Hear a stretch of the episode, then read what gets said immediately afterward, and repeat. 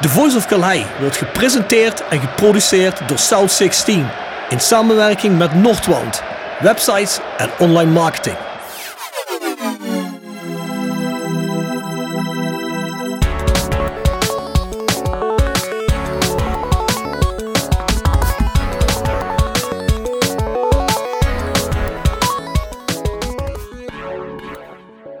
Ja, goedenavond. We zijn drie dagen na de derby weer aan het opnemen voor de Voice Court. Ja, ik had even een paar dagen nodig om te bekomen van het weekend. Het was niet alleen maar MVV Roda op vrijdag. Het was ook nog eens een keer Bond van Peen op zaterdag. En uh, ja, zondag moest ik toch even bekomen. Dus we zitten hier op maandagavond met, zoals jullie gewoon zijn, uh, Bart Eurlings en Jasper Klute. Ja, jongens, het was een vrijdagavond wel, hè? Kun je wel zeggen, ja. Ja, ja dat was uh, een vrijdagavond die we normaal gesproken niet uh, binnen vijf minuten kunnen bespreken, denk ik. Uh, ik, ik, ik, ben, ik ben ook pas blij dat we hem nu pas bespreken, want ik ben weer een beetje bij stem. was wel, ja, ja, was wel heftig. Ja, we hadden, we hadden een gezellige uitwedstrijd te bord. Ik, ja, ik, ik heb me, ondanks de afloop, of, of misschien ja, ik, ik heb het toch goed geamuseerd eigenlijk. Maar goed, we gaan het zo nog bespreken natuurlijk. Ja, ik ook. Maar, je moet hem zeker straks, als hij straks geëdit is, moet je zeker even luisteren. Er zitten goede stukjes in die ik opgenomen heb op die avond. Dus. Ja, ja, ja. ja, maar ook, ook gewoon met je alles ervoor. Maar goed, dan lopen een beetje op de, voor, op de uitzending vooruit. Maar uh, ja, het, uh, het verzamelen bij het stadion, uh, de, de, de reis ernaartoe. En op zich ook de sfeer in het uitvak tot het moment van staken, die was vast top. Hoe was het ritje door de Maastrichtse woonwijken? Was dat weer even vijandig als normaal? Nee, dat viel reuze mee nee, eigenlijk. Dat mee, ja. Okay. ja wij ja. zeiden nog in de bus tegen elkaar van, uh, er is eigenlijk geen fuck aan de hand. Ah, bedoel, die wijken is het nou ook niet dat ze met steen op je bus aan te gooien of dat ze proberen te blokkeren. Tenminste, nee, heb ik toch niet meegemaakt, nee. maar... Uh, ja, er was gewoon helemaal niks aan de hand. Zelfs rond het stadion, waar altijd wel een beetje politie staat om luid tegen te houden, was ook helemaal niks aan de hand. Dus, uh... Nou, sterker nog, ik had zelfs... Voordat we er erg in hadden, stonden we in dat, stonden we in dat buffervak. In, ja. dat, uh, in dat busvak, ja. ja. Nou, ik had, ik had sterker nog de indruk toen de wedstrijd begon, dat, dat, dat de sfeer vrij, uh, vrij rustig was eigenlijk. Niet eens echt vijandig. En, het, het, het, het was ook tam. Ja. Op de sfeeractie na, in het begin van, aan beide kanten overigens, die was goed. Maar daarna dommelde het eigenlijk een beetje in, net als de wedstrijd. Ja, ja, precies. Ja. Nou, gaan we zo meteen over hebben. Ja. Zoals jullie weten is woensdag, dus, dus als je dit hoort, morgen de gewone Voice of Calais online. En daar zit niemand minder in als Nick Vossenbel, de Fox. Ja, ik moet zeggen, toch wel een uh, aangename podcast geworden met de Fox. Ja. Ik ben een beetje meer fan van hem. Ja, wat, wat, wat is, inderdaad, ik wou net zeggen, uh, jij, jij, bent overgestapt naar de Fox Fanclub, dus dat is, dat is al reden genoeg voor de mensen om die te gaan luisteren, lijkt mij. Ja, ja, ja, ja ik ben niet uh, overgestapt op basis van zijn sprintsnelheid, maar wel, uh, op, maar wel omgestapt, zeker voor zijn, voor zijn gevoel voor humor. de Fox ja.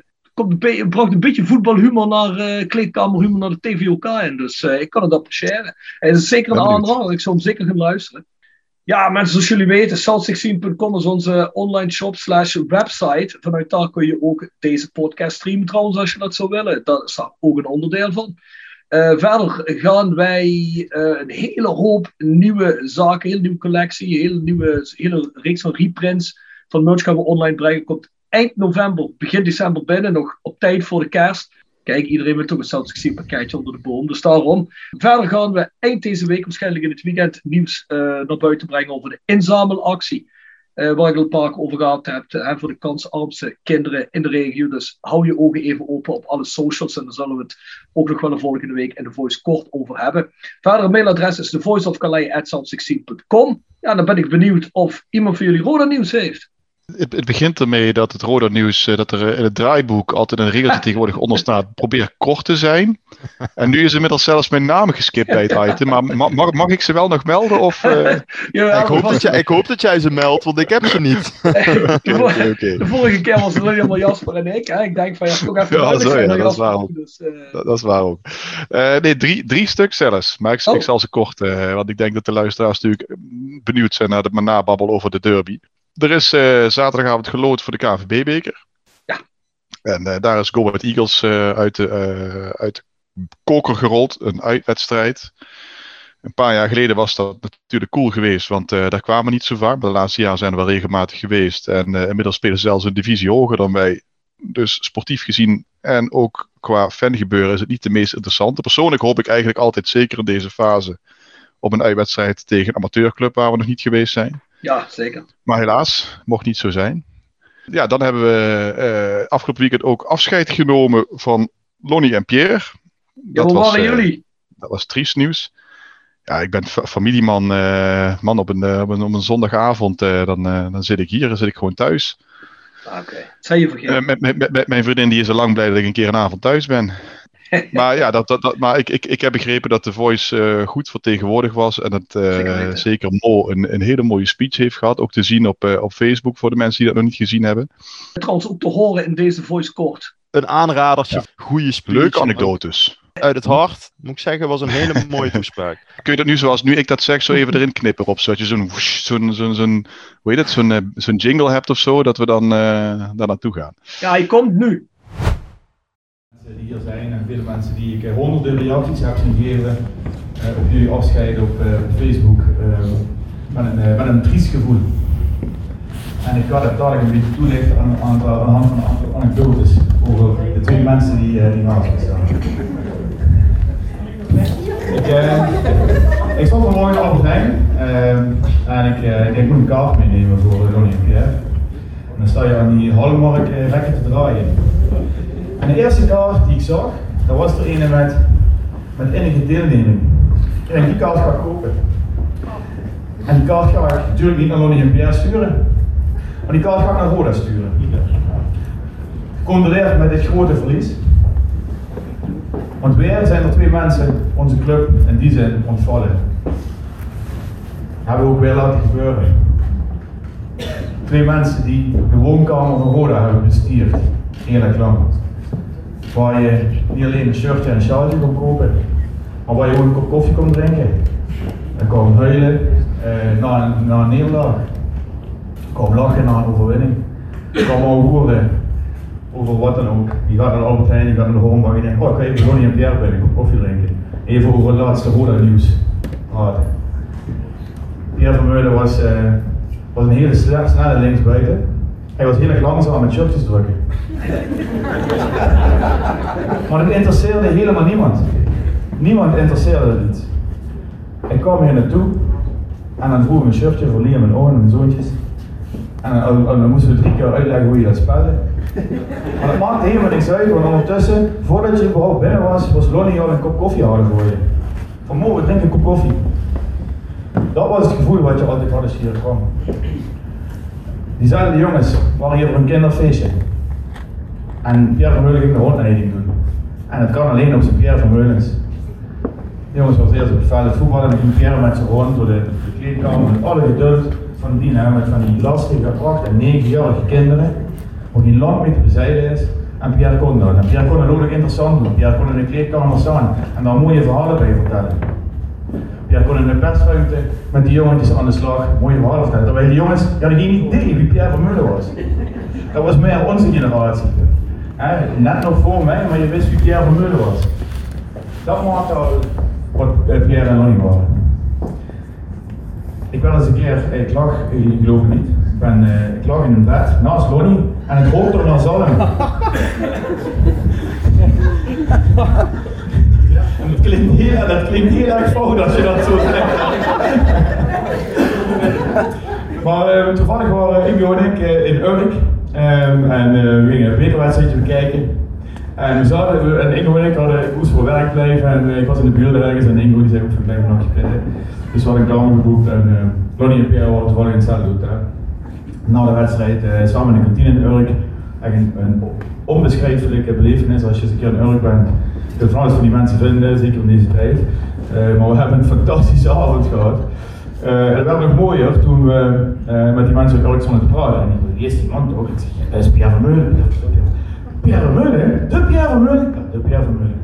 Dus toen waren alleen nog een beetje af. Maar goed, uiteindelijk uh, won Pierre of Lonnie ook nog met de loterij daar een, een zalm van anderhalf meter lang. en die mochten wij toen mee, uh, mee naar het hotel nemen. Pierre regelde ook nog een krat bier. Die ging mee achter in de auto. Dus we landen met een krat bier en anderhalf meter zalm. En met Lonnie, van, Lonnie in bed. Zo ben ik ook, zodat ik in Istanbul kom werk. Uh, in 2015. Uh, en toen speelde de dag na de wedstrijd tegen Sparta. De wedstrijd thuis uh, die, die erom ging of uh, in de Eredivisie uh, achteraf natuurlijk de meest krankzinnige wedstrijd die we lang gespeeld hadden. En ik, ik, kon, ik kon per definitie ik kon niet terug, ik een heel belangrijke bijeenkomst op zondag.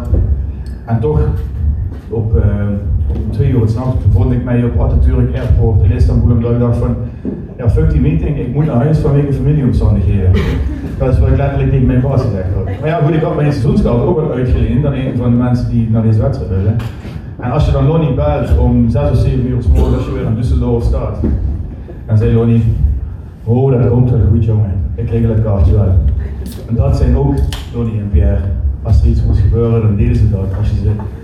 We hebben allemaal meegemaakt, iemand is jaren, er is ergens een speciale gebeurtenis. Je belt voor een shirtje, een kaartje, en whatever. Uh, dan moet de, de, de Roda even weer eens een keer uh, er te lang over gedaan om iets te regelen met een shirtleverancier. En dan staan ze op zondagmorgen hier met z'n tweeën shirts te drukken, terwijl andere mensen daar totaal geen behoefte aan hadden. Dat zijn ook Lonnie en Peer. En zo hebben we allemaal, denk ik, zoals ik hier sta en mijn anekdotes met jullie deel, hebben we die denk ik allemaal in de afgelopen jaren meegemaakt. En daarom is het dood en dood en doodzonde dat jullie niet voor deze club behouden zijn voor datgene wat jullie deden. We gaan jullie missen. Ja.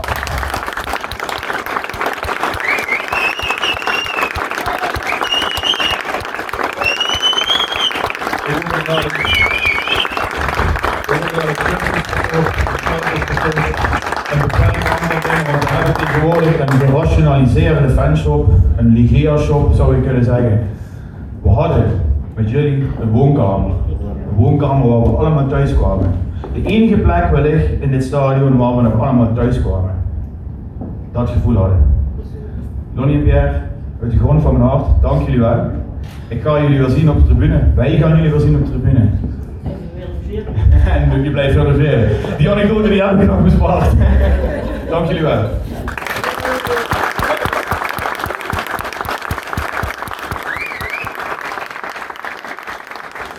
Ja, Bjorn, uh, we zitten op de afscheidsreceptie van Lonnie en Pierre. Ja, is natuurlijk, uh, ja, Pierre zichzelf is geen afscheid, het is een punt in tijd, hè, een verandering. Uh, ja, wat zeg je? Ja, uh, kijk, ik weet de beweegredenen niet precies, maar ik vind het wel doodzonde. Ik bedoel, Lonnie en Pierre zijn bij uitstek mensen die het clubgevoel uitdragen. Heel veel contacten hebben met oudspelers, noem maar op. Uh, heel veel supporters kwamen in die fanshop voor een praatje met Pierre hè, en een kopje koffie. En nu gaat dat verloren. En ja, ik vraag mij af of dat een wijs besluit is geweest. Ja, dat is een beetje vreemd. Hè? Roda had zichzelf natuurlijk wel een dienst kunnen bewijzen als ze ze nog op de een of andere manier hadden behouden. Wat jij zegt, oudspelersnetwerk. Lonnie en Pierre hebben ontzettend veel contacten met allerlei spelers die hier door de jaren heen uh, zijn gekomen en gegaan. En natuurlijk al die hele oude jongens. Hè? Je ziet toch dat die bij Roda weinig worden betrokken op het moment. Dus dat zou wel mooi zijn. Zeker als je een beetje ja, de ziel van de club wil behouden. Ja, helemaal mee eens. Dus uh, ja, daar, daar had een mooi bruggetje gelegen via Lonnie en Pierre naar die, eh, naar die oudspelers. En ja, uh, het zou natuurlijk best kunnen dat de club ze daar alsnog voor gaat vragen. Maar op dit moment begrijp ik van uh, Lonnie en Pierre was er geen, ja, geen andere functie voor ze te vinden. Dus ik hoop wel dat het alsnog gaat gebeuren, want anders raak je weer een stukje van je cultuur kwijt. We, we, we vonden eigenlijk dat je dat juist weer terug moet gaan vinden. Ja, want wij dachten ook dat dat er gezegd werd bij Roda, dit willen we gaan terugbrengen. Dichter naar elkaar groeien. Maar we hebben ook gehoord uh, dat Jordans Peters heeft gezegd dat hij dichter naar elkaar wil groeien. Dus misschien is het gewoon een taak voor Jordans om, uh, ja, om hier iets mee te doen. En het verhaal uh, Lonnie en Pierre niet ja, helemaal te laten verpieteren. Ja, precies. En ik begreep dat je contact hebt gehad met Jordans. Dat hij eventueel op korte termijn in de podcast komt. Dus ja. daar hebben we al een mooi onderwerp om aan te snijden. Dat sowieso. Podcast zal denk ik een uur of drie, vier worden, wat denk je? Ja, ik hou de hele dag vrij in ieder geval. Ja, mooi, ik ook. Ja, afscheid van Lonnie en Pierre, dat is uh, slecht nieuws, maar dat was ook heel goed nieuws. Want uh, Martijn Wismans die heeft zijn laatste werkdag uh, bij Roda gehad. die is vanaf vandaag, is, die, is volgens mij Joris Peters officieel in dienst. En het leuke is trouwens, want wij stonden vrijdagavond te wachten op de bus. En ik stond met een groepje mensen bij elkaar. En ik moet toegeven, ik had hem niet direct herkend. Maar Joris die kwam, die kwam gewoon een praatje maken. Die vroeg of we er zin in hadden nog even uh, small talk en, uh, en, en, en, ging daarna door. Dus dat was hartstikke leuk dat hij daar, uh, dat hij daar even achter de présence gaf. Dus ja. dat doet hij goed. Ik, ja, eerste indrukken zijn, zijn positief. Ja, zeker weten. Ah. Ja, Jasper, heb jij nog iets van KKD-nieuws dat niet in het niet valt tegen onze derby van vrijdag? Nou ja, kijk, als je gaat uh, zoeken in de trant van, uh, van dit weekend, dan kom je al snel uit bij de wedstrijd Excelsior tegen FC Eindhoven. Zou je toch verwachten, ja, wat, wat doen die clubs, wat hebben die clubs qua rivaliteit nu met elkaar gemeen? Maar zelfs die wedstrijd is stilgelegd dit weekend. Dus wat dat betreft is het het weekend van de stilgelegde potjes. Want Excelsior Eindhoven, wat overigens een hele knappe 3-4 voor Eindhoven eindigde, werd stilgelegd rondom de tweede helft, rondom een incident van doelman Nigel Bertrams van FC Eindhoven. Uh, ja, kennelijk hebben Excelsior-fans daar wat naar gegooid of naar wat, wat naar geroepen. En op de, zo op die manier eh, was het vuurtje een beetje ontbrand. En uh, zijn eh, de beste mannen een aantal minuten naar binnen moeten gaan. Nou, dat is toch niet echt de wedstrijd waarvan je denkt, daar gaan we lekker rellen. Maar, ja, nou, maar het kan dus, kan dus toch. Jasper, waarom is die wedstrijd dan nou gestaakt? Is het omdat er iets geroepen werd of dat er iets gegooid werd? En wat ja, werd er ja, gegooid? Iets rondom, uh, iets achter het doel bij Nigel Bertrams. Ja, meer kan ik er ook niet van maken. Ik heb die wedstrijd ook niet gezien. Dat is dus kennelijk toch wel een reden om de boel stil te leggen. Want uh, ja, het is daar niet helemaal geëscaleerd. Nee, het gaat helemaal nergens over. Er is nu zo'n standaard ontstaan dat als, een, als er één een plastic bierglas over de omheining komt, dat uh, de eerste de beste scheidsrechter alweer gaat staken om een wit voetje te halen. Zij. Het gaat helemaal nergens over. Nee, nee, dat klopt wel. Maar aan de andere kant, kijk, weet je, het begint ook wel een irritante trend te worden dat uh, bepaalde spelers niet eens meer een hoekschop kunnen nemen zonder dat, uh, zonder dat er, ik weet niet hoeveel op, uh, opkomt. Ik heb NEC Vitesse gezien. Nu is dat wel een andere wedstrijd dan Eindhoven tegen Excelsior, dat weet ik ook wel. Maar dat wordt het spelers gewoon onmogelijk gemaakt om een bal te kunnen ingooien. Ja, dan denk ja jongens, dan moet je ook wel ingrijpen, vind ik. Ja, maar om meteen te staken, kom op, hé. Nee, staken hoeft niet, maar je kan wel uh, desnoods uh, boete geven aan bepaalde mensen die het doen. Ik bedoel, er zijn uh, geraffineerde cameraapparatuur voor op dit moment, dan kun je dat gewoon doen. Um, ja, verder KKD-nieuws niet echt. wel, wel dat we een, een beetje een uitgespreid weekeinde hebben gehad. Dus er zijn nog wedstrijden op zaterdag gespeeld. En uh, zelfs nu zijn wedstrijden nog bezig. Nou, een uh, opvallende eruit te pakken. Helmond Sport tegen Almere, daar is het nu rust. Bij Almere is het eigenlijk, uh, ja, eigenlijk best wel crisis, om het zo maar even te zeggen. Want een hele slechte seizoenstart resulteerde in de 19e plek. Maar ze staan nu voor, wonder boven wonder, bij Helmond Sport met, met 1-2. Al moet wel gezegd dat Helmond Sport de betere ploeg is. Dus ja, daar is nog een, een kans om dat toch nog om zeep te helpen voor Almere. Maar uh, twee vroege goals zorgden daarvoor 0-2 en nu staat het 1-2. En uh, verder zijn uh, Ajax, Jong Ajax tegen Telstar en Jong PSV tegen Jong AZ nog bezig. En bij beide, bij beide wedstrijden staat het 1-0. En dat was het voor het KKD nieuws. In de week waarin verliezen geen optie leek, werd heel voetbalminnend Zuid-Limburg één grote verliezer. De derby van Zuid-Limburg. In mijn vorige column noemde ik de kracht die loskomt voorafgaand aan en tijdens de derby MVV Roda. Wekenlang wordt er gesmeed met krachttermen over en weer om de spelers van desbetreffende clubs duidelijk te maken dat verliezen toch echt geen optie is in deze wedstrijd.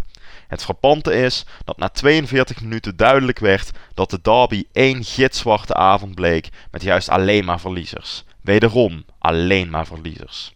Hoewel het de laatste twee jaar met publiek relatief rustig bleef in de Geuselt, staat bij vele voetbalvolgers de editie van MVV Roda uit 2017 nog vers in het geheugen. De Bosporttribune en het uitvak kwamen toen rondom de rust in aanraking met elkaar.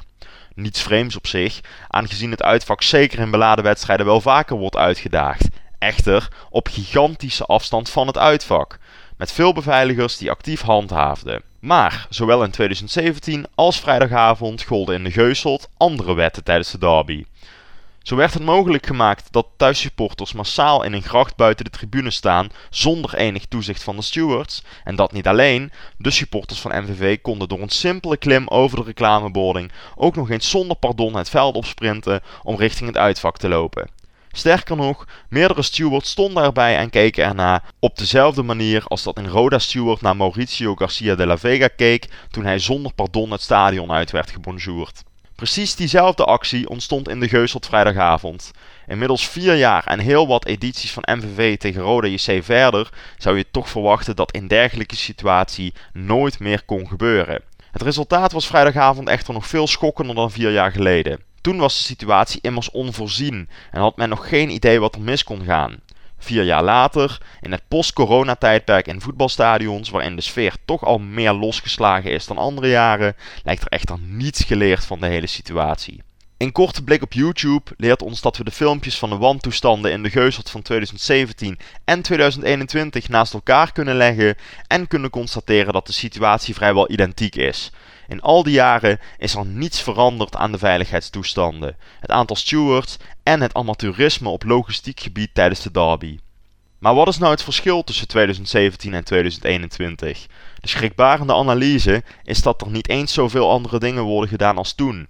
Er worden boetes, stadionverboden en arrestatiebevelen uitgedeeld dat een lieve lust is. Maar na één duidelijke oplossing werd toen nog tijd al niet gezocht en nu blijft het ook bij speculaties alleen. Het grote vingertje wijzen tussen Maastricht en Kerkrade is maar weer eens begonnen. Het doet mij denken aan een situatie in de kleuterklas wanneer kind A begonnen is met het gooien van een snoepje naar kind B. Kind B krijgt hem pijnlijk in zijn oog, waarna die vervolgens uit een reactie naar het kind toe gaat en hem omverduwt, waardoor kind A verkeerd landt en zijn of haar arm uit de kom schiet. De kleuterjuf komt tussen beiden om te vragen wie er is begonnen, waarna er een wel eens niet discussie ontstaat waar de juf op een gegeven moment moe van wordt en de kinderen beide op een briefje laat schrijven dat ze geen snoepjes mogen gooien of een duw mogen uitdelen. Het resultaat, de kern van de situatie waardoor het probleem ontstaat, wordt niet opgelost, terwijl de kinderen binnen mum van tijd hetzelfde zullen doen. De metafoor is prima toe te passen op het heen en weer gegooien van verwijten tussen beide clubs. Maar waar men niet naar kijkt is het feit dat het stadion, waar het in 2017 en nu ook in 2021 misging, het klimaat creëert om deze boel gigantisch te laten ontsporen. Een derby is alleen mogelijk in een stadion dat ook echt alle veiligheid kan garanderen en een fatsoenlijke handhaving heeft. Conclusie. In vier jaar derby's zijn we niks opgeschoten. Het moddergooien blijft aanhouden, terwijl de haat tegen elkaar alleen maar groter zal worden, zonder dat er echt gezocht zal worden naar concrete oplossingen. Net zolang tot van een echte derby al helemaal geen sprake meer is. Ja, Motelen! Waar staan we nu? Wij staan in uh, Café Apollo. En uh, ja, het is allemaal, uh, het is allemaal pre-match nu. Lekker aan het drinken. Ja, indrinken, ouderwets indrinken voor een derby. Lekker, ja, dat is heerlijk. de muziek staat hard. Iedereen is enthousiast? Ja, gelukkig. Het café is uh, lekker vollopen met uh, jong en oud, alles door elkaar. Uh, iedereen voelt de wedstrijdspanning. Lekker man. Lekker opgeladen hè? Ja. Kut, kut podcast, sommige mensen die hebben een kaartje, maar die zullen waarschijnlijk niet mee kunnen. Dus als er nu nog mensen zijn die mee willen, dan bel ons even. ja, Motelen, we zijn weg uit Apollo. We staan hier bij de bus, we gaan zo meteen vertrekken. Ja, lekker man. Uh, eerste cluster is volgens mij al weg. Wij zijn net gelopen. En uh, we zijn volgens mij maar met 400 man, maar je voelt gewoon bij iedereen die spanning. Hè. Dit is echt, dit is absurd hè, want het gaat helemaal nergens over qua ranglijst op zich. Maar gewoon, dit is onze eer, onze trots. Deze moeten we godverdomme zeggen, pakken. Het gaat zeker ergens over. Het is eigenlijk de belangrijkste wedstrijd van het jaar hè. Hey, busje in fanproject? Ja, zeker. Wij ook. Lekker. Mooi. Ja, Bart Eurlings. Wat denk je vandaag? Laatste derby ooit in Nederland met uitpubliek? Ik denk dat de kans niet denkbeeldig is, Rob. Wat denk jij? Ik weet het niet, ik zou zomaar kunnen. nou, ik, ik, ik, ik hoorde zelfs het gerucht, maar dat gerucht dat is inmiddels ontkracht dat de bussen van het fanproject van de weg geplukt zouden worden als gevolg van een foto waarop heel veel vuurwerk te zien zou zijn. Over welke foto hebben we het dan? Ja, dat bleek uiteindelijk bleek dat een soort random foto te zijn. Uh, dus, dus Cyril Engels die is daarmee bezig geweest. Uh, die heeft dat ontkracht. En ja, weet je, bij de politie in Maastricht, die was daar vanmiddag toch wel behoorlijk van in de war. Dus er was een foto met gewoon... Een foto met volgens mij Roda publiek. En vuurwerk. En vuurwerk. En, dat, en daarvoor zouden wij nog van de weg getrokken worden. Zouden ze in Maastricht behoorlijk van in de war zijn, ja. Dus kun je nagaan hoe, alle, hoe de boel op scherp staat. Maar Weet je, ik, ik, ik, hoop echt, ik hoop echt dat het in ieder geval dusdanig rustig blijft dat we daar nog, uh, ja, weet je, los van het feit dat we daar nooit meer naartoe willen natuurlijk na dit jaar. Maar... Hoop je echt dat het rustig blijft? rustig genoeg, rustig genoeg. En ik wil een beetje op Halloween, want dan kom je even kijken. pak die zeggen, pak die zeggen. Pak die pieren!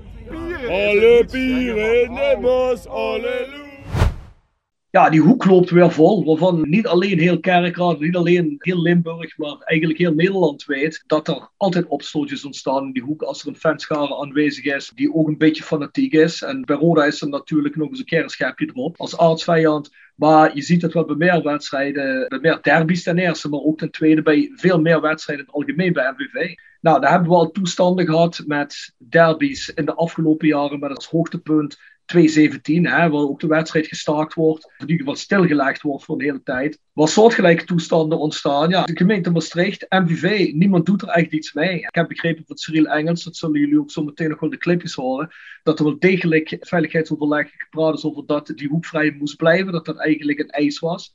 Is er niet gebeurd. Er wordt weer uitgedaagd. Er volgt natuurlijk reactie op. Ja, dan krijgen we toestanden. Bart, jij was er ook. Hoe heb jij het gezien? Ja, ik, ik denk dat je het uh, niet helemaal los kunt zien van het staken van de wedstrijd. Dat ging daar eigenlijk nog, in mijn optiek, nog zelfs aan vooraf.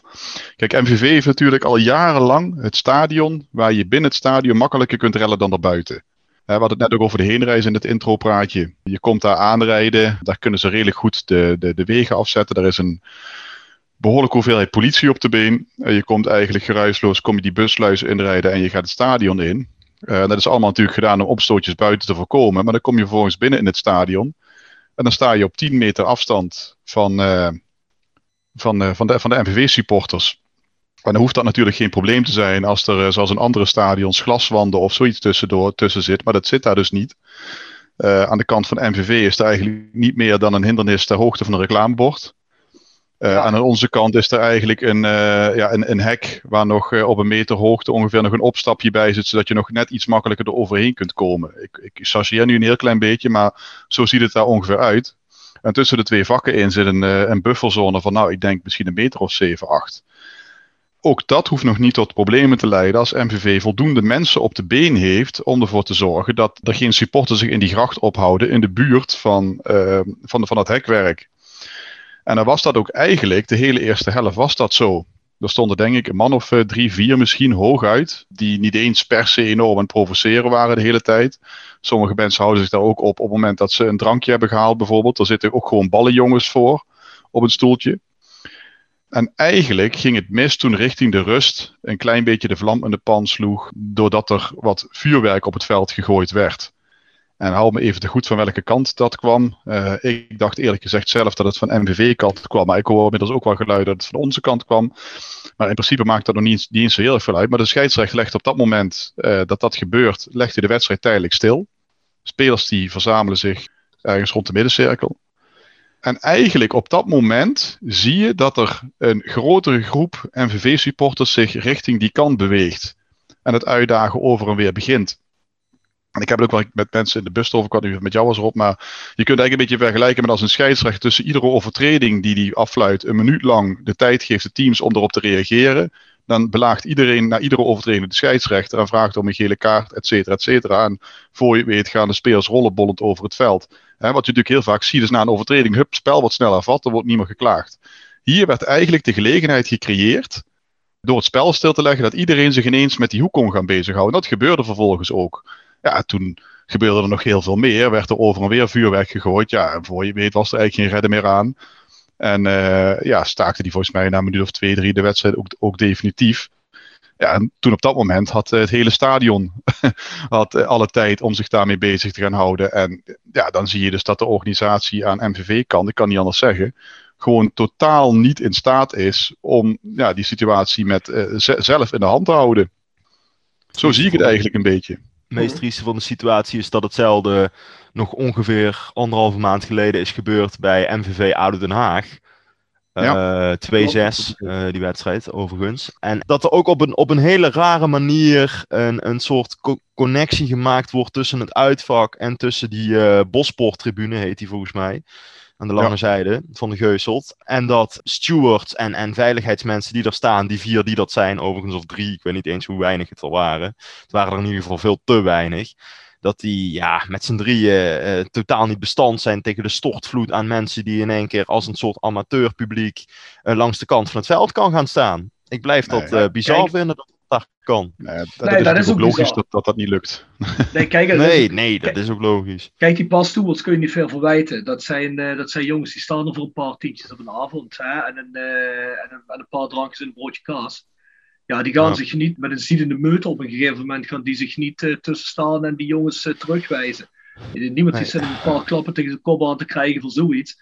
Dus ja, die, die mensen die kun je weinig verwijten. Wat MVV gewoon had moeten doen, op mijn mening, is ten eerste, omdat dit al jaren zo gebeurt. En Jasper, jij zegt het goed. Het is alsof je aan een amateurveld staat daar op die hoek. Hè? Bart ja. gaf dat net ook al aan. Dat is echt zo'n meter twintig hoge omheining, zoals je die op amateurvelden ziet.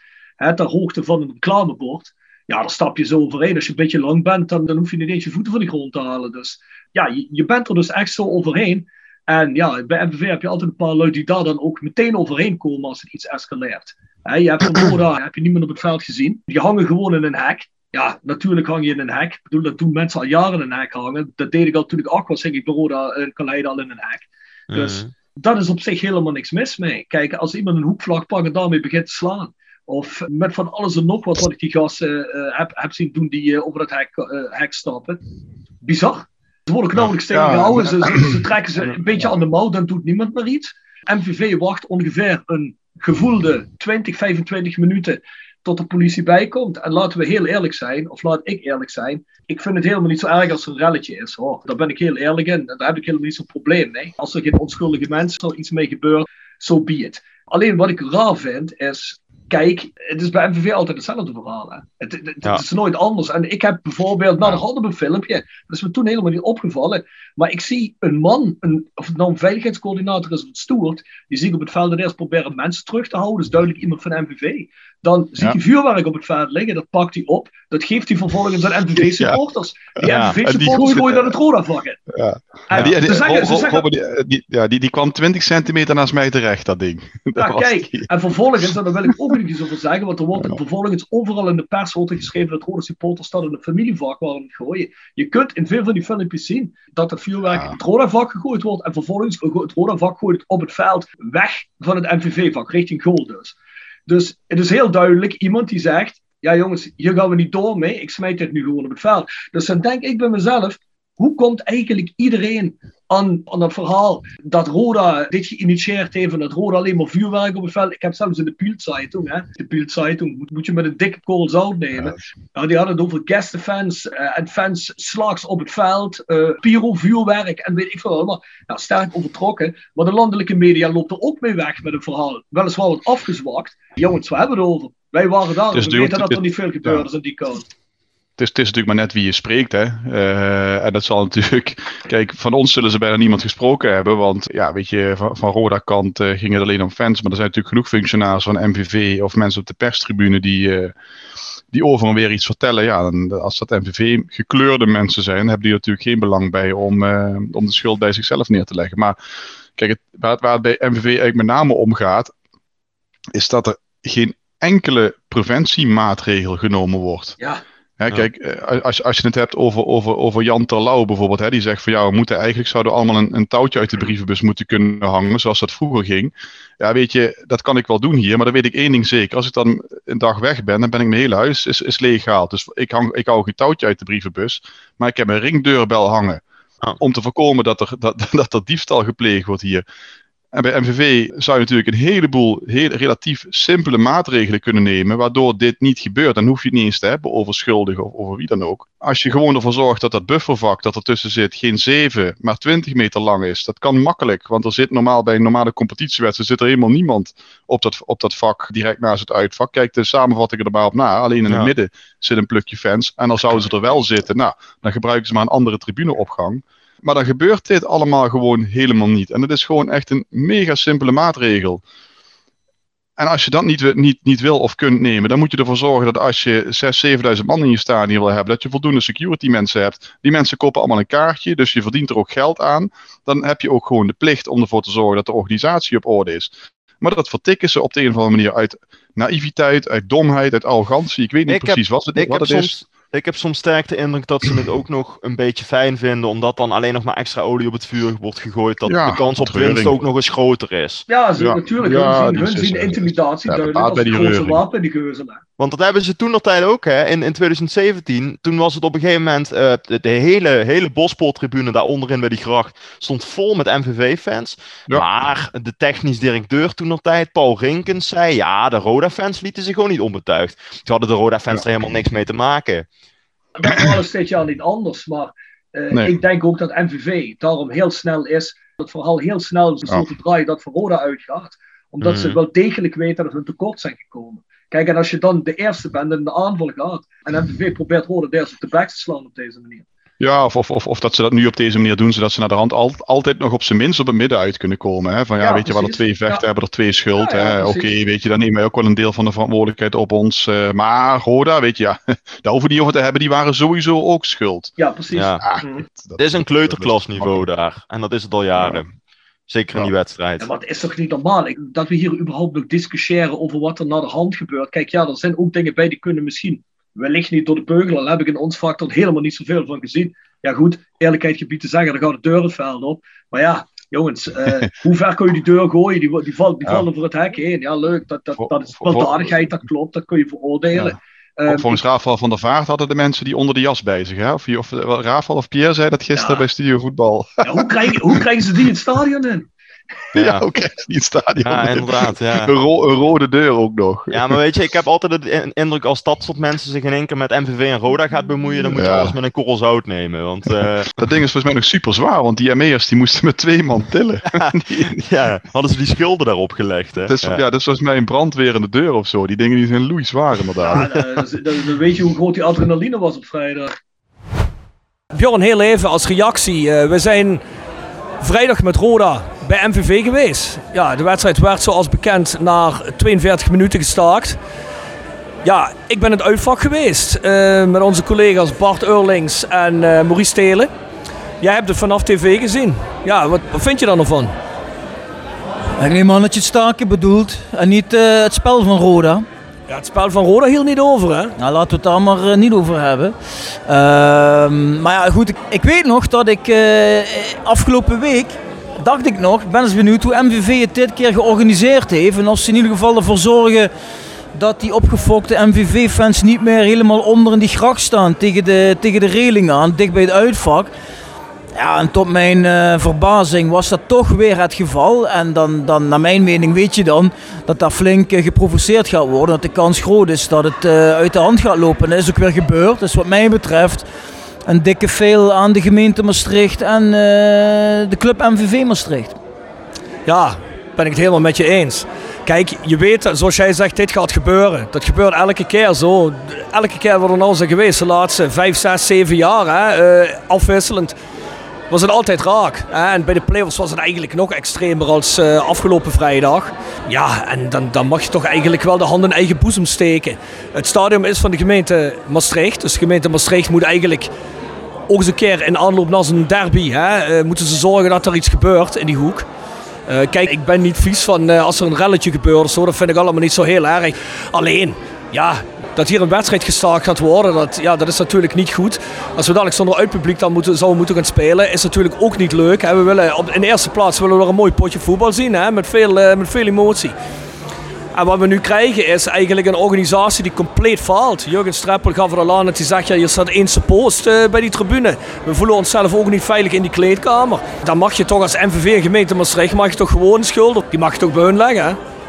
Ja, ik, ik, zou zelfs zeggen het grootste deel van de schuld. Ik denk dat het tijd dat de KNVB hier misschien eens uh, hard gaat optreden tegen, tegen MVV. Want het lijkt mij ook vrij makkelijk op te lossen. Kijk, of je zet daar in die hoek een container. Nou goed, als ze beide supportersgroepen elkaar uh, niet meer zo dicht in de ogen kunnen kijken, dan zal het ook niet gauw op die manier escaleren.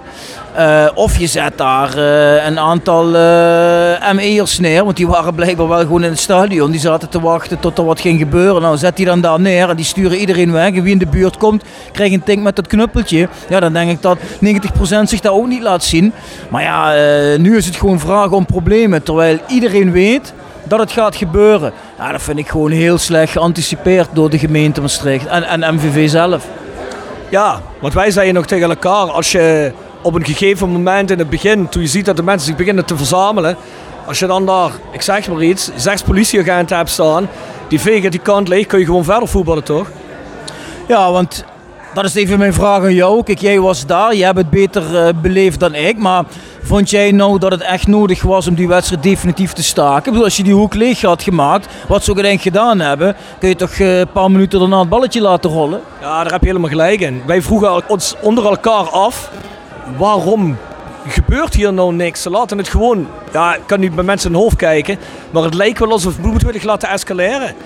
Ja, dan kun je niks meer doen. En natuurlijk, als dan een paar van die gasten bij de jongens eh, onder bij ons aan het vak aan het hek beginnen te rammelen en met, eh, met stokken erin beginnen te gooien en vuurwerk gooien, ja, dan lok je een reactie uit. Ja, dan kan ik begrijpen.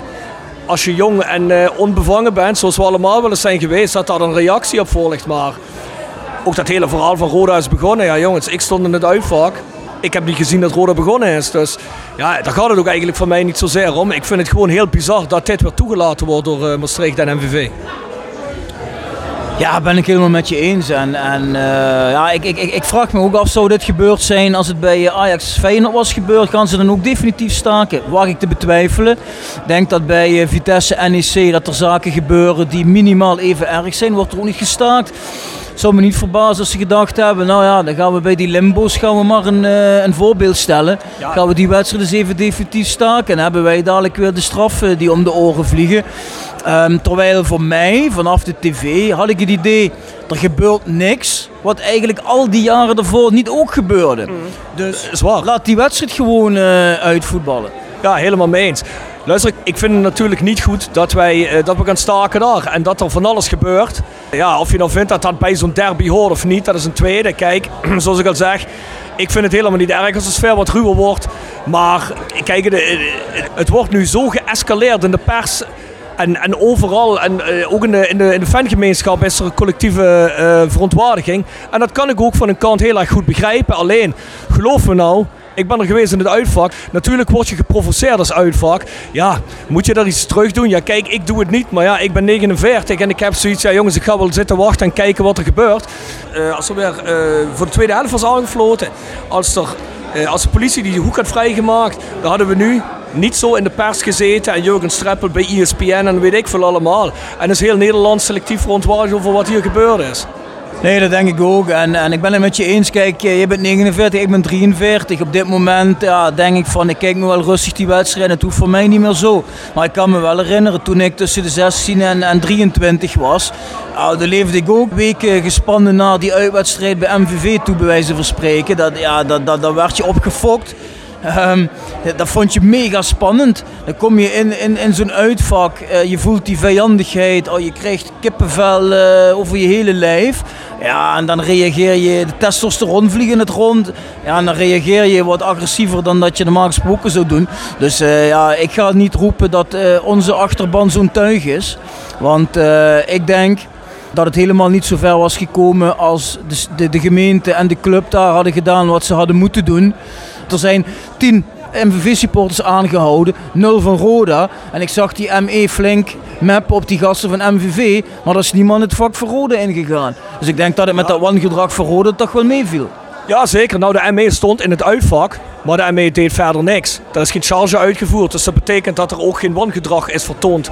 Toch niet op dat moment en toch niet net ervoor. Ja, maar dan, dan lees ik zelfs in de media, hoe kan het dat de fans van Roda in de hekken konden hangen. Denk ik, ouwe, zo oude, zolang ze kleef hangen mensen in de hekken. Dat, dat, dat is toch altijd zo geweest? Wordt er opeens ook een issue van gemaakt? Op, op, op Noord en Kalheide hing iedereen elke wedstrijd in de hekken. En dat is tegenwoordig nog overal zo.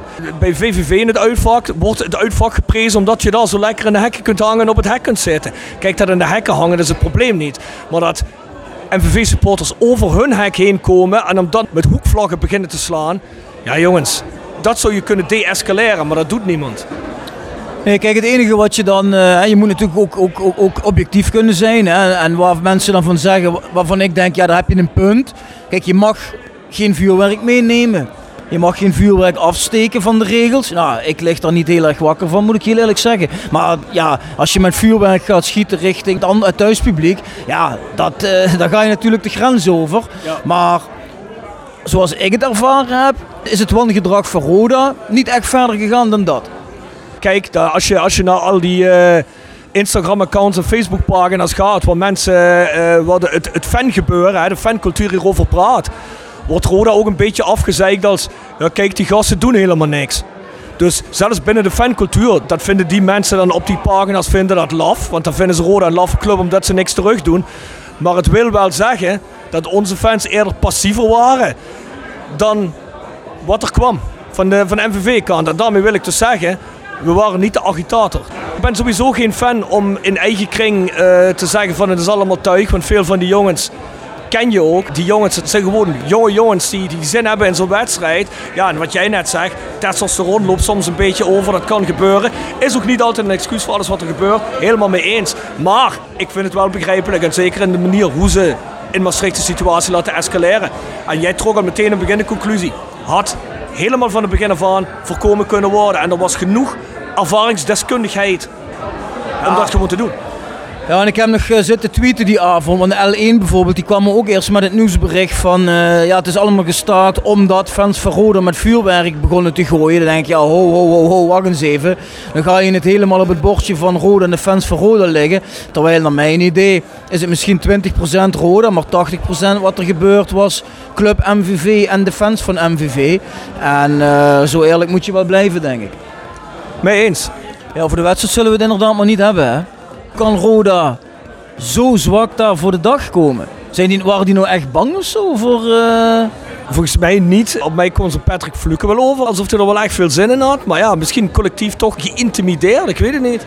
Ja, maar ik heb van Fluke uh, bijna niks gezien. Emmers heb ik helemaal niet gezien. Limbombe alleen maar balverlies. Dan denk je, ja kom op jongens, jullie moeten toch juist je, je extra kwaliteit in zo'n wedstrijd tot uitdrukking laten brengen. Maar ik heb niks gezien. Het viel me zwaar tegen. Nee, het viel mij ook zwaar tegen. Ja, MVV kreeg de beste kans met die bal op te laat. Met die 0-0 mochten wij in ieder geval het minste klagen. Ja, klopt. Het is misschien nog wel goed dat hij gestaakt is op dat moment. Nou, laat ik het zo zeggen. Ik denk dat uh, Jurgen Streppel hem liever uitspeelt zonder publiek. Ja, het lijkt wel alsof heel Nederland nu opeens wel een, een mening heeft. En iedereen die ooit een keer op een blauwe maandag in het stadion is geweest, of waarschijnlijk helemaal niet, uh, misschien ook helemaal niks met voetbal te maken heeft, heeft nu in massa's wijsheid uh, gevreten over, over hoe wedstrijden moeten uitzien. Wat een voetbalwedstrijd is, hoe een sfeer moet zijn bij een wedstrijd. Daarmee wil ik natuurlijk niet alles goed praten. Maar um, als je zo mensen ziet als de Pla, de burgemeester van, van Breda, die ja, die ook heel hypocriet is. Want uh, nog een jaar geleden stond hij te vieren dat NAC-fans met Piro op de markt stonden of bij het stadion. En die, nu veroordeelt hij dat er een stukje vuurwerk bij een amateurwedstrijd gegooid werd afgelopen zondag. En zei dat dat heel erg gevaarlijk was en absoluut niet meer kon. Dus ja, ook een hele reeks van mensen die nu op in zijn talkshows verschijnen. Zo bizar niet? Ja, maar je moet, Rob, je moet je natuurlijk ook de, geldingsdrang moet je natuurlijk wel meewegen. Hè? Die politici die dan, je noemt nu de Pla, maar ik, ik word zelf helemaal gek van Hubert Bruls van Nijmegen, die uh, zo'n beetje NEC op het heffen is. In ieder geval een soort laatste waarschuwing gegeven heeft. Kijk, al, al, al die mannetjes en, en in het geval van Maastricht vrouwtjes uh, met, met Annemarie Pen. Die willen allemaal alleen maar scoren. Die willen nu, op basis van zo'n incident als nu, willen ze heel erg graag laten zien dat zij daadkrachtig zijn. Dat zij dit wel even aanpakken. En dan vind ik de rol van de burgemeester van Maastricht, die vind ik eigenlijk dubbel kwalijk. Omdat natuurlijk het stadion De Geuselt eigendom is van, uh, van de gemeente Maastricht. En je kunt je echt afvragen hoe MVV in godsnaam aan de licentie komt.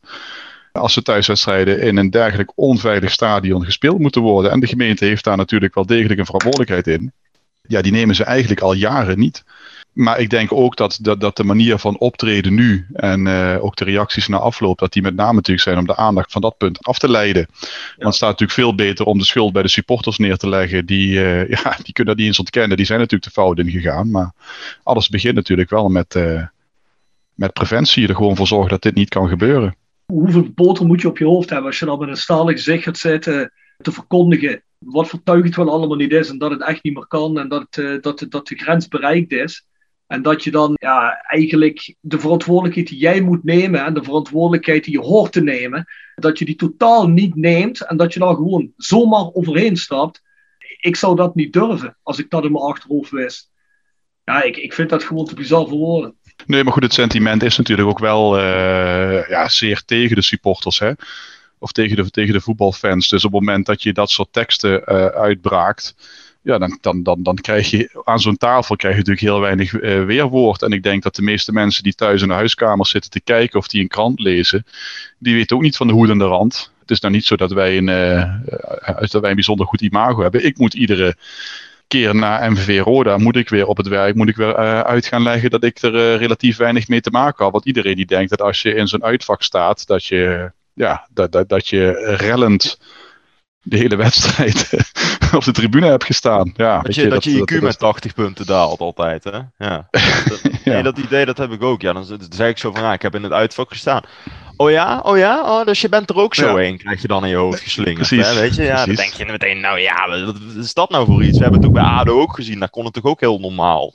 Maar wat ik, dus, maar wat ik ook heel bizar vind, hè, Jasper, is, je haalt dat nou aan, hè, dat mensen het altijd hebben over die Q van de mensen die je dan in zo'n uitvak ziet, of mensen ook die in zo'n zo'n bospoort-tribune in die gracht verschijnen. Daar zal zeker een gedeelte bij zitten wat een lage IQ heeft. Maar neem hem maar van mij aan, als er geruild wordt, zitten er genoeg mensen met een hoog IQ ook bij hoor. Dat is een beetje een misverstand. Ook het misverstand waar lui het altijd hebben over ja, een klein groepje van 15 man verpest het voor het hele stadion. Ja. Ik weet niet of mensen een beetje opgeleid hebben bij deze MVV Roda en bij de afgelopen MVV Roda's. Dus hoe er een groepsdynamiek ontstaat. Dan uh, staat de hele tribune onder in de graag en wil bloed zien. Dus het, is wel degelijk meer dan 25 man. Deze keer heel eerlijk gezegd, hè, de Angel Side, die is vooruit van de Bospoort uh, tribune naar de tribune achter de goal. Ik weet niet hoe die tribune heet, dat is ook gereden. Ja, dat is de Angel Side. Is dat officieel de Angel ja, Side? Maar de Angel, Angel Side staat achter de, achter de goal. En de, de Q-Park slash Bospol-tribune is die uh, lange zijde aan de, waar het ja, misgegaan is. Ja, zeker. Want daar zijn ze heen verhuisd. Hè. Die stonden tot vorig jaar volgens mij. Ja, stonden die nou, oude gasten van de Angel Side stonden nog op de Bospol-tribune. Ja, dat en, klopt. Alleen de, de echte van de Angel Side die zitten bij, zaten bij de derby, zaten die achter de goal. Waarom? Om juist die dingen al te voorkomen. Alleen waar ze niet rekening mee gehouden hadden, was dat mensen die eigenlijk bijna nooit naar MVV toe gaan, net voor deze wedstrijd, die niet eens lid zijn van de Angel Side, net voor deze wedstrijd juist naar, naar die Bosporttribune toe gaan. En, en die dus eigenlijk helemaal niks met dat voetbal hebben, maar die alleen maar willen komen om, om te rellen. Dat is eigenlijk het punt. Is dat zo, Jasper, of is dat wat MVV communiceert? Want dat communiceren ze iedere keer als het misgaat, dat het altijd ja, dat mensen zijn die er normaal niet zijn. Weet je wat ik gehoord heb, ja. Nou, het punt wat ik eigenlijk net wilde maken is inderdaad wat Jasper een beetje zegt. Wat ik wilde zeggen daarmee, is niet echt de, hoe moet ik dat zeggen, de georganiseerde harde kernfan of rellenfan uh, die zich daar in eerste instantie verzamelden. Het zijn gewoon uh, lui die willen uitdagen. Het zijn wel degelijk gewoon Maastrichtenaren die naar het voetbal gaan. Kijk, dat hele verhaal met, en daar word ik ook strontziek van, hè. het hele verhaal van, er zijn altijd mensen uit het omveld van de club, die uh, allemaal waarschijnlijk niet eens een seizoenskaart hebben en nooit naar het voetbal gaan. Nou, neem maar van mij aan, dat 90% van die mensen regelmatig naar het voetbal gaan. Er hangt zeker altijd wel iets van volk aan. Dat komt dan op de rellen die zeggen van, ah, je moet deze wedstrijd meekomen, want deze wedstrijd, ik weet je niet van voetbal, maar deze wedstrijd gaat het echt los. Dat is echt ruig dan. Dat gebeurt zeker. Maar neem dan maar van mij aan dat het zo is dat er echt wel een hele reeks van mensen die daar tussen staan, dat dat gewoon lui zijn die naar thuiswedstrijden komen, regelmatig en ook een heel gedeelte seizoenskaart heeft. Er is altijd een misverstand over dat harde kernen en ultras, dat dat geen fans zijn, dat die er alleen maar zijn om te rellen. Dat heel veel van die jongens zijn gewoon heel erg diehard fans van de clubs. Het is gewoon feitelijk niet waar en clubs weten dit ook. Want clubs hebben veiligheidscoördinatoren, uh, supporters liaisons, die wel degelijk weten welke mensen welke mensen zijn. En die weten ook best dat dat mensen zijn die echt wel aan een club gelieerd zijn. En ook met de seizoenskaarters die ook geld een laatje brengen. Ja, maar ik denk ook wel dat zeg maar, de mensen die op die Angels site staan achter die goal, dat dat ook wel echt ook wel echte supporters zijn. Hoor. zijn ze die, uh, die, die, loopt wel iedere wedstrijd ook gewoon echt vol, hè? Die, uh, die kant. Nee, ja, maar bij mij hoef je dat niet uit te leggen. Ik weet dat, die, ik weet dat er gewoon bij MVV heel veel die-off, ik denk dat zelfs bij MVV, dat hebben wij ook de afgelopen seizoenen meegemaakt. De mensen die er nu nog zitten, die zijn die-hard fan. En of die nou ja. ja of nee gaat er niet om. Want die moeten ja. zich elke week dat niveau uh, van lek met vestje moeten ze gaan doen bij heel veel van die eerste divisieclubs. En de teams waar tegen ze spelen. Nou, dan moet je Ja. toch echt wel fan zijn als je wil komen hoor. Ik heb de laatste drie jaar niet genoten van Roda hoor. Dit seizoen heb ik wel zoiets en soms bij Vlagen vorig seizoen dat ik dacht van oh dit is wel leuk om echt naar het voetbal te kijken. Maar ik heb seizoenenlang heb ik alleen maar geleefd voor de busreizen naar uitwedstrijden. Er zijn zelfs wedstrijden geweest waar ik een helft in de bus heb gezeten. Met onder andere de Leonschoks van deze wereld om er door te drinken. Want het niveau was echt zo hyper slecht. Dat je zoiets Ja. hebt van ja jongens, ik, ik, ik, ik, vind, ik vind het gezellig om hier met mijn vrienden te zijn. Maar hoeveel ik van Roda houd, dat kan me niet aandoen. Maar om even weer op het thema terug te komen. Ik, er wordt nu een verhaal wordt er gesponnen. Dat eigenlijk absoluut niet klopt van de mensen die daar staan. En je zou eerder kunnen zeggen, dat zijn fans die zo geëmotioneerd zijn bij hun clubs. Omdat ze er zo insteken, dat ze zo fan zijn. Ja, andere mensen zullen zeggen, nee, daar ben je net helemaal niet fan.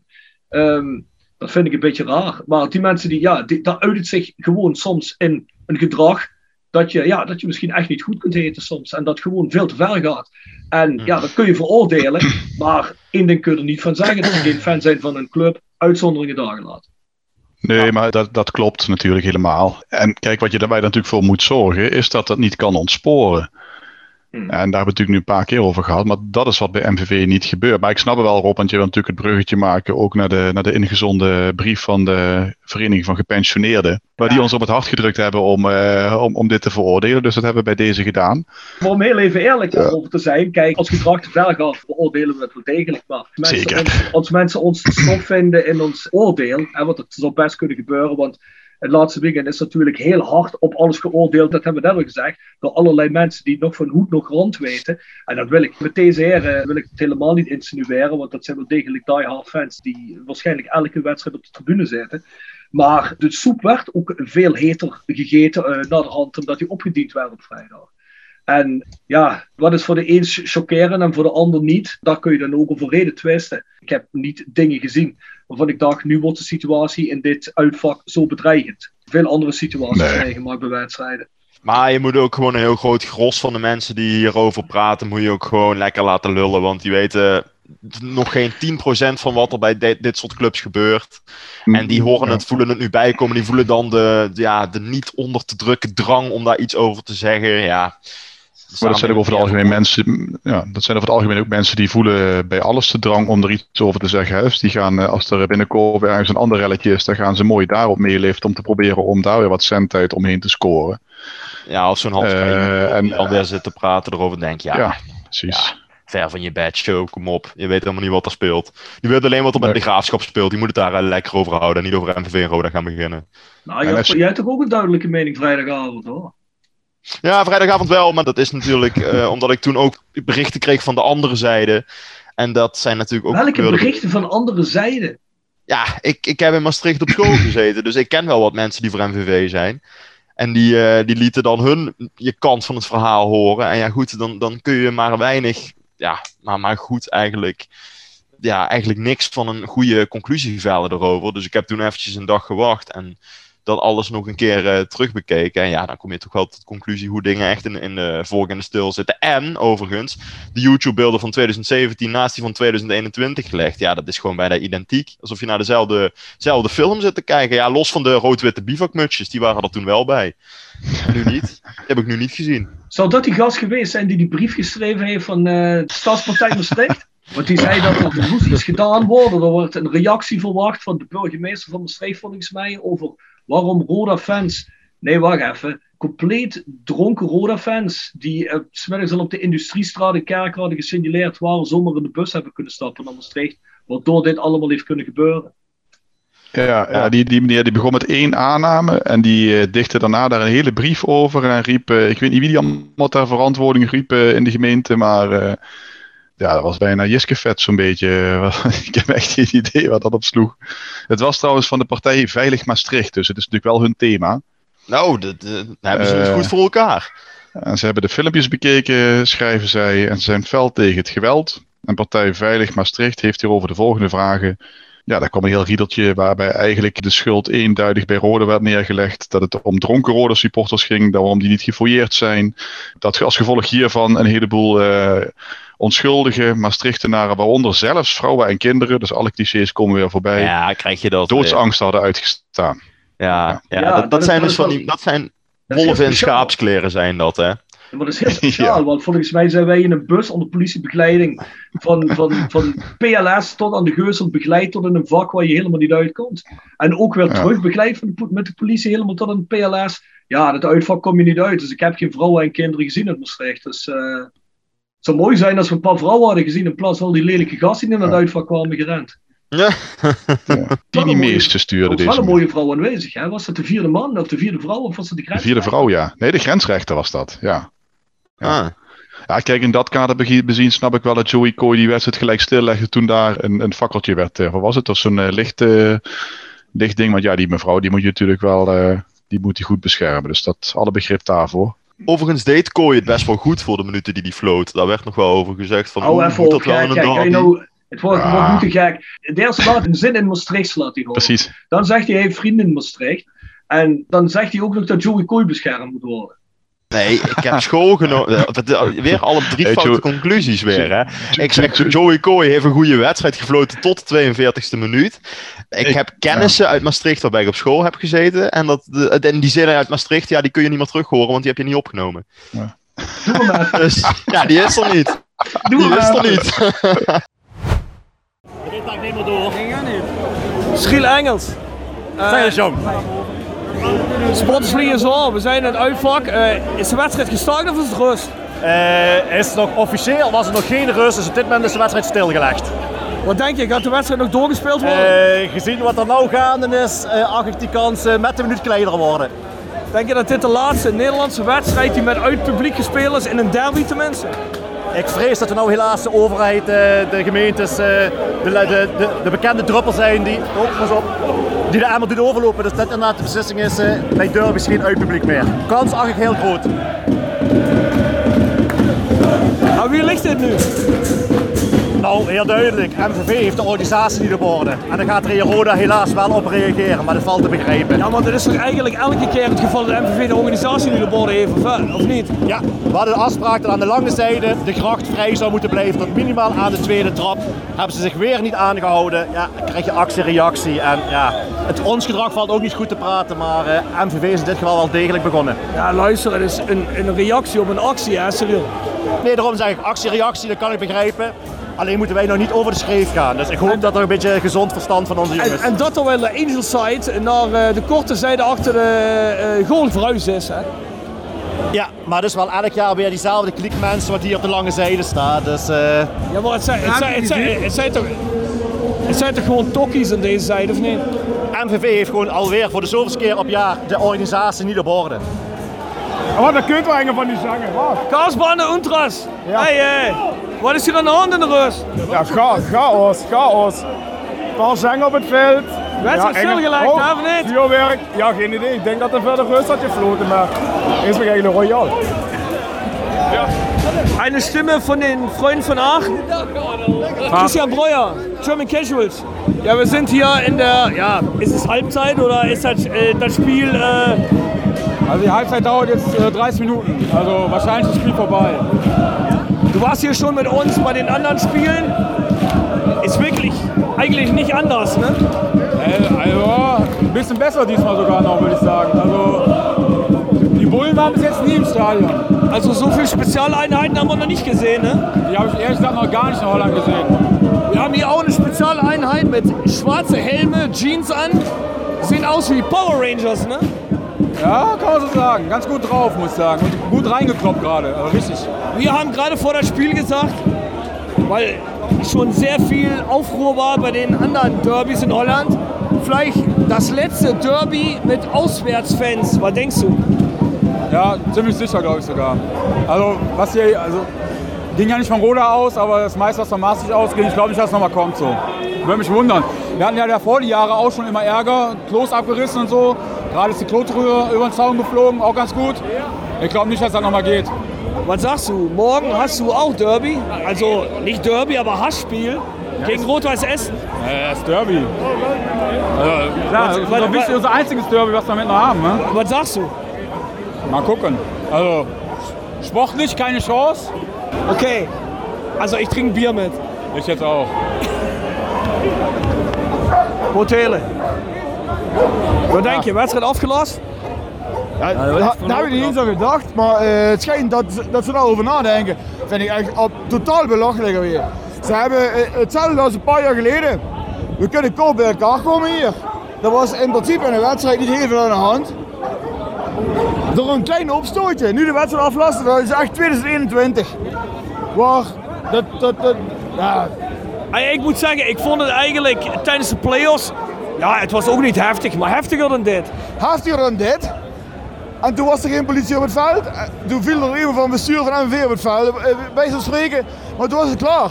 En nu maken ze er zo'n grote scene van. Maar dat heeft ook te maken met eh personeelstekorten, corona, politie die loopt te zeuren. Hier moeten we geen aandacht aan besteden. Dit gaat helemaal nergens over. En dan ga je dus een wedstrijd aflassen. Die je dus om eh 8 uur laat spelen, s'avonds. hè. Eh, Waar waar- waar we normaal alleen maar 's middags risicowedstrijden spelen. En dan komt wa- waanzin, absolute fucking waanzin. Ja, denk je dat we nog verder spelen of niet? Ik zou het oprecht belachelijk vinden als dit niet uitgespeeld wordt. Ja, want we staan hier, we hebben hier honden in ons, eh, we hebben hier honden in ons vak staan. Definitief gestaan. Officieel definitief gestaakt Ja, worden. waanzin, absolute waanzin. We Voor hebben, niks Rob, voor niks. we hebben hier zeker, ja ik denk in het MVV en het Roda vak in totaal een man of 50 ME staan. Eh, je kunt de honden horen. We hebben nog, eh, ja wat zijn die gasten in die eh, jeansbroeken? Zijn dat, eh, zijn dat de Power Rangers of wat zijn Dat dat? zijn, eh denk ik, agenten, uh, arrestatieteam uh, stille. Arrestatieteam, ja. Die, die waren een paar jaar geleden, was het veel heftiger eigenlijk. Hè? en er was er niemand. En toen was er niemand van de politie. En toen was het op een gegeven moment rustig. En nu staken zo'n wedstrijd hierom. Maar er, wo- er wordt gewoon een punt gemaakt in de maatschappij. De vertrutting Ja, van de ja, maatschappij komt hier weer naar boven. Ja. De, de, de belachelijk, echt absurd. Wij hadden deze week een eh, podcast en dit hoort bij de derby. Eh eh, René Troost, de braafheid zelf, die vond di- dit soort dingen ook cool. Er gebeurt heel erg weinig. Er gebeurt helemaal niks. Hè, er wordt een beetje over en weer gekut. Er is geen goal van Mart Reemans of van eh Spits van Roda. Helemaal niks. Er wordt een beetje uitgedacht. Er is helemaal niks. Ik, ik denk dat dit een reactie is op de wedstrijden van de laatste weken, denk je niet? Het heeft niks te maken met MW Roda. Het heeft te maken met het algemene tendens die er is. En dat er eh politiekorpsen lopen te zeuren over eh, te weinig eh, mensen. over allerlei toestanden in, bij, bij voetbal. Maar dit was niks in de jaren 80, 90, eh, begin 2000. En nu opeens, zelfs een paar jaar geleden stonden we hier. Hè? En toen waren er wc-deuren, toiletpotten het veld opgegooid. Toen was er geen agent te zien. Ja, dat was nu ook. En nu? En Maar er nu? waren geen agenten, dat klopt. Maar nu, deze, kijk hier, hè, eh, dat is belachelijk. Als je het uitvak naast de harde kern, na- eh, het gaat helemaal nergens over. Dan komt een provocatie, en dat, dat is helemaal niet erg. Maar zoveel is er niet gebeurd. Dan gaan we naar een eh, wedstrijd in de betaalde voetbal, gaan we staken, daarom. Dat, dat is er niet eens. Dat zijn, ja, ik, ik kom woorden tekort. Ja, dat begrijp ik. Mo, denk je dat we nu de laatste derby hebben gezien met uitpubliek? Nou ja, weet je wat je krijgt? Eh, al die eh, wedstrijden een paar weken geleden al. Toen werd al geroepen, als het zo doorgaat, dan komt er geen uitpubliek meer. En de, en de KNVB en de overheid die gebruiken dit weer als, zie je wel, eh, we gaan door, maar we gaan geen uitpubliek meer. we hebben onze zorg- en veiligheidsmedewerkers de politie nodig om andere dingen te doen. Belachelijk. Ja mannen, laten we maar afronden. Eh, gezien de tijd eh, die we besteed hebben aan de wedstrijd was het nodig denk ik. En alles wat er nog in geëdit zit, laten we de voorbeschouwing Helmond Sport Rode even voor gezien. Je hoort ons uiteraard wel in de nabespreking weer. Komend weekend en als die online komt ergens begin volgende week. Bal, ben jij aanwezig bij Helmond Sport Roda? Zeker. Ja, oh, dan moet ik me toch eens eventjes gaan aanmelden voor die busreis. Ja, nou, ik, ik, eh, ik zit erop Ja, na ja, te dan, kom, denken. dan kom je op de reservelijst, hè? Nou, dat wordt gezellig dan, want ik ben er ook weer. Is die eh, uitverkocht? Kijk. Ja, de eerste Ah, bus is uitverkocht. Ja, ze waren nu een eh schaduwlijst aan het verzamelen voor een tweede bus. Ja, bij Ah. voldoende animo kon je je aanmelden. Ja, het stond erbij. Ik zal Klopt. eens even kijken. Nog heel eventjes een shout-out naar de vrienden van de podcast. We hebben weer een aantal nieuwe leden. Jort Wijnolds, Max Hengelbrok, Thijs Kreukels en Casper Buziel. Mooi dat jullie erbij zijn. Ja mensen, eh, deze is bij uitzondering openbaar gezet. Dachten, nou ja goed, het is MVV Rode, er is nogal wat gebeurd. Dus laten we hem eh, openbaar voor iedereen maken. Als je het interessant vond, dan zou ik zeggen, abonneer je. En je kunt voor iets meer dan een euro lid worden per aflevering. Je kunt ook een seizoenskaart kun je op abonneren. Moet je zelf weten. Moet je maar eens kijken, er zit een reeks van extra's bij bij de seizoenskaart. Dus dat kun je allemaal op petje.af schuine voor The Voice of Calais. En dat doen wij dus elke week, soms zelfs twee keer per week, een nabeschouwing met The Voice Code. Met Bart Eurlings en Jasper Klute en mezelf, Rob Fransen. Het e-mailadres is thevoiceofcalais.south16.com. De website is south16.com. Mensen, tot. Hoi, tot dan.